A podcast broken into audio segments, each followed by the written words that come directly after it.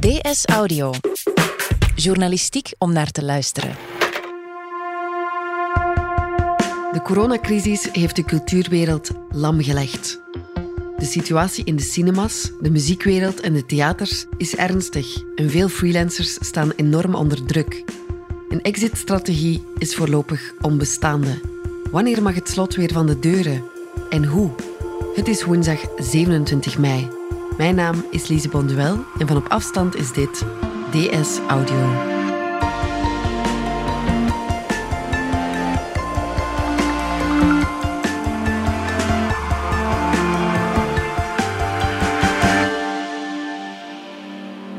Geert Sels, cultuurjournalist bij De Standaard. Jij volgt cultuur voor de krant en je schreef ook mee aan de reeks Cultuur in Nood. Ja, wij dachten met de cultuurredactie, wij dachten na die fameuze PowerPoint-presentatie, waar cultuur helemaal onderaan de lijst bungelde, ja, dit is slecht nieuws. Dus we gaan dat eens bevragen. En dan zijn we eigenlijk echt eh, per discipline gaan kijken hoe de toestand was, wat de vooruitzichten waren. Die waren zo goed als nihil. Wat de vangnetten waren, die waren niet helemaal toereikend. En uh, ja, ook om de stemming te peilen en te kijken wat de veerkracht was in de verschillende Mhm. disciplines. Ja, en hoe erg is het momenteel gesteld in de cultuursector? Heb je daar concrete cijfers van? Ja, die zijn er omdat die verschillende federaties van verschillende kunstdisciplines, die zijn natuurlijk allemaal ja, becijferingen gaan maken. Natuurlijk, je moet daar een beetje voorzichtig mee omspringen.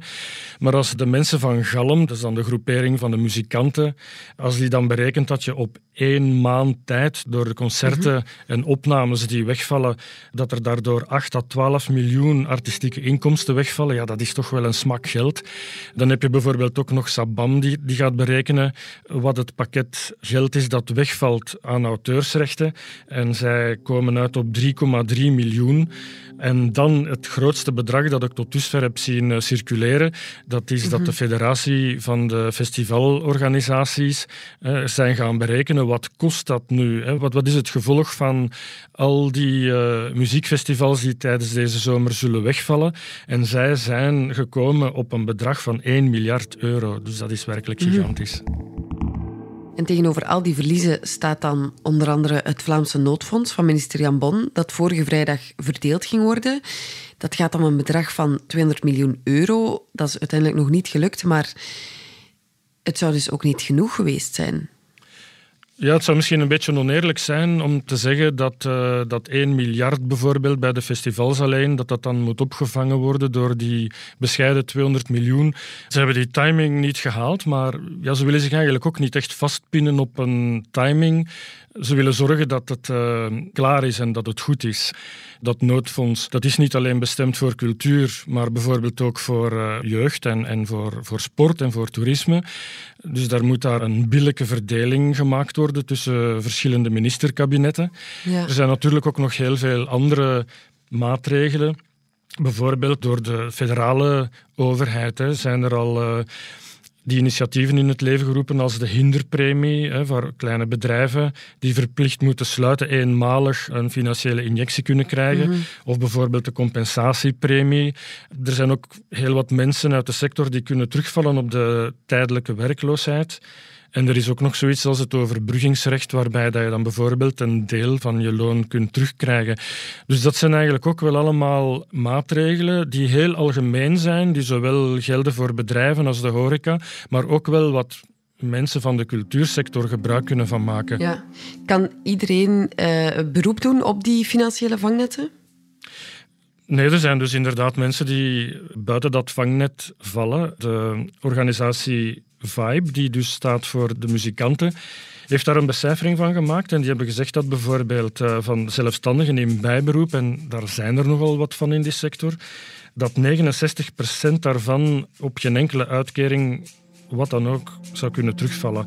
En van de freelancers die interimcontracten hebben, hè, want ze zijn er ook heel veel, daar zou de helft daar niet aan geraken. En eh, d- er zijn gigantisch veel eh, freelancers. En daarvan zou een derde ongeveer globaal, dus niet alleen in de muzieksector, maar globaal genomen, daar geen aanspraak eh, kunnen op maken. Hallo, mijn naam is Jason Kallewaard. Ik ben 29 jaar en ik werk als freelancer in de muziek- en evenementensector.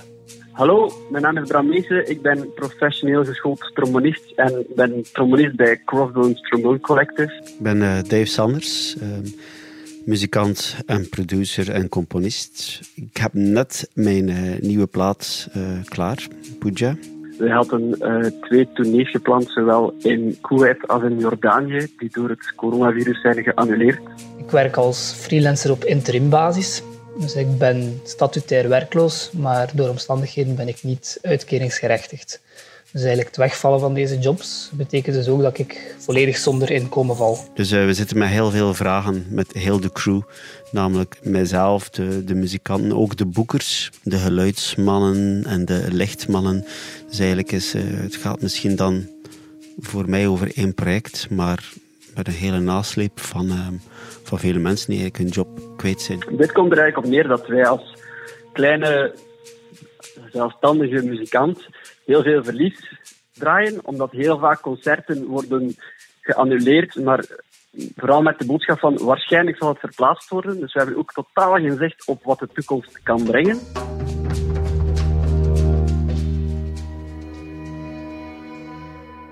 Dat is toch een heel ja, grote groep getroffen artiesten eigenlijk, hè? Ja, dat is gigantisch en, en eigenlijk is het ook heel lastig, omdat dat individuen zijn.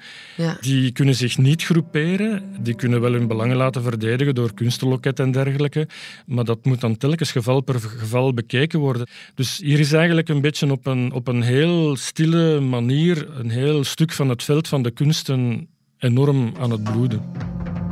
En dat blijft een beetje buiten beeld. Ik noemde daarnet de heel kleine individuele spelers die buiten het vangnet vallen. Maar je ziet het bijvoorbeeld ook bij heel grote spelers, zoals bijvoorbeeld uh, Danscompagnie Rosas, mm-hmm. die 25% van hun omzet uit subsidies halen, maar 75% eigen inkomsten, omdat die internationaal nu eenmaal zoveel toeren. En dat valt helemaal plat natuurlijk nu. Ja. Ja, wie nog meer getroffen is, dat zijn eigenlijk heel veel uh, zelfstandige kunstenaars ja, je, je, zal maar iemand hebben als Wim Mobroek. Voor mij is alles weggevallen. Hè? Dus alles wat live is. Alle, alle theaters, alle... Ik had ook een zomertournee met de Dolfijntjes, dat is ook weggevallen. Maar ik ben natuurlijk een, al sinds mijn geboorte, denk ik, een, een, een veelvraat. dus dat is niet dat ik op verschillende paarden ben, dat is al heel mijn leven zo. Uh... Die heeft bijvoorbeeld vele jaren in vast dienstverband gewerkt in theaters en in een gesubsidieerde context waar hij loontrekkend was. Maar uh, sinds een aantal jaren heeft hij eigenlijk het roer omgegooid en is hij zelfstandiger geworden. En ja, hij is dan eigenlijk zijn, zijn ding gaan doen, omdat hij zo'n culturele duizendpoot is. Zo uh, doe ik verschillende dingen. Dus nu, nu ben ik bezig met een aantal... Uh, ja, met de voorbereiding voor een tv-programma. Dat kan gelukkig nog doorgaan voorlopig, want niets is zeker. Als er morgen weer een nieuwe uitbraak is, dan valt dat weg. Dus je kunt je voorstellen dat uh, Wim, die zo'n duizendpoot is, dat hij op elke vinger die hij heeft een, een tik gekregen heeft.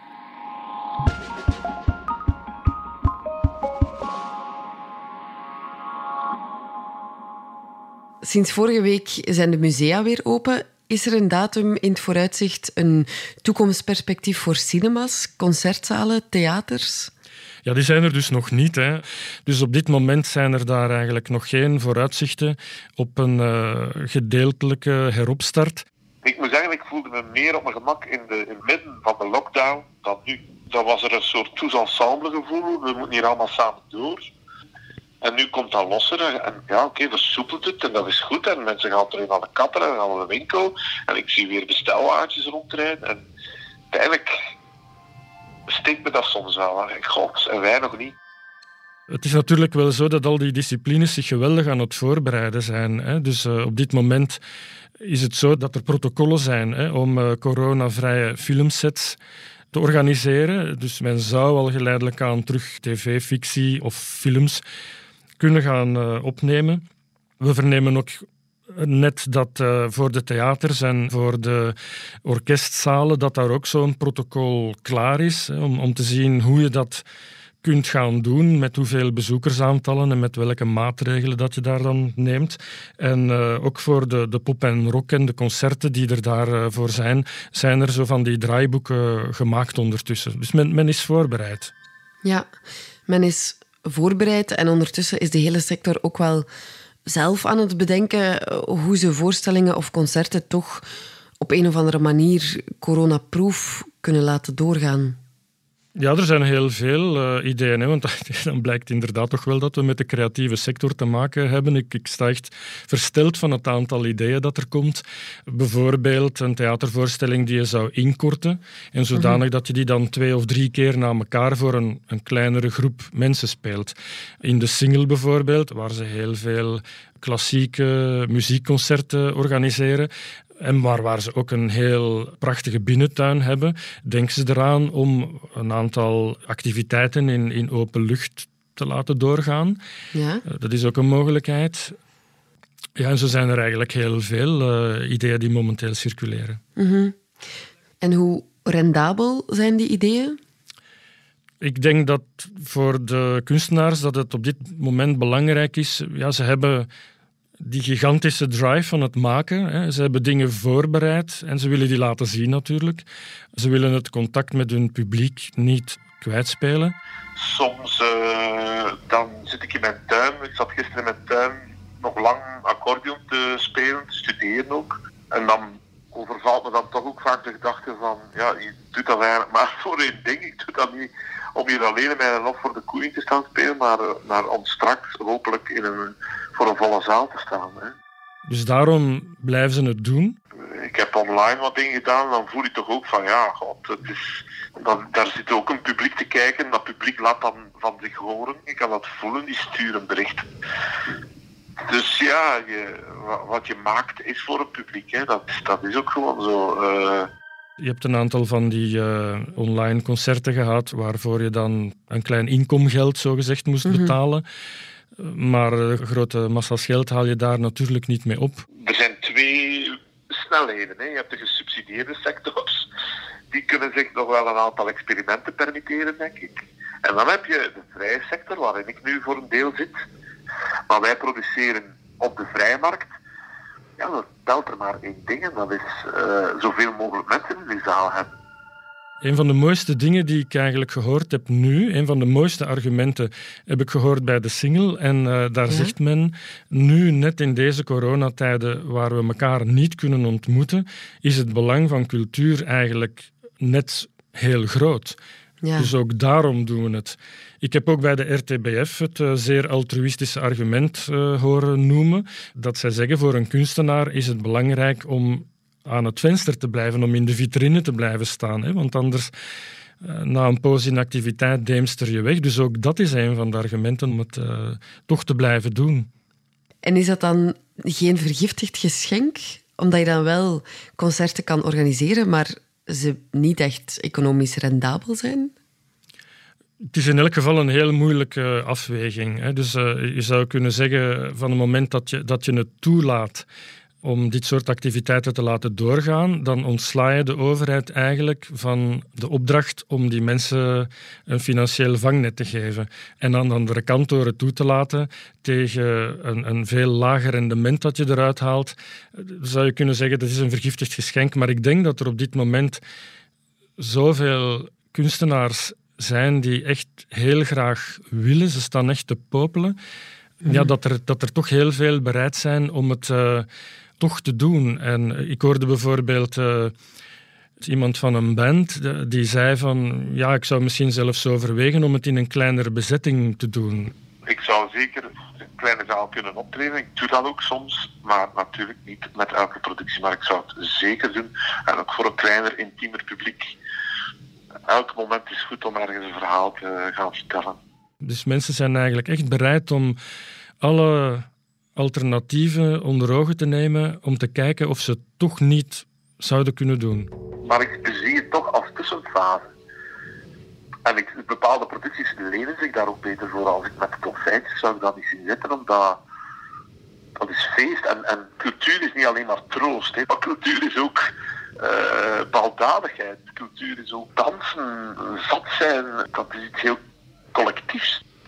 Er is ook een heel entertainende kant aan. En die entertainende kant is natuurlijk meer baat bij een groter publiek. Zijn er los van de overheid organisaties die al met een plan op de proppen zijn gekomen om de cultuursector te helpen? Ja, bij de Franstalige omroep RTBF. Die hebben gezegd, we gaan nu, gespreid over twee jaar, gaan wij een pakket van 13,4 miljoen euro vrijmaken. En we gaan dat ook besteden aan het ondersteunen van audiovisuele organisaties, enerzijds. Maar we gaan ook heel veel opdrachten geven aan creatieve mensen. Uh, we gaan opdrachten geven aan schrijvers, aan cineasten, aan muzikanten.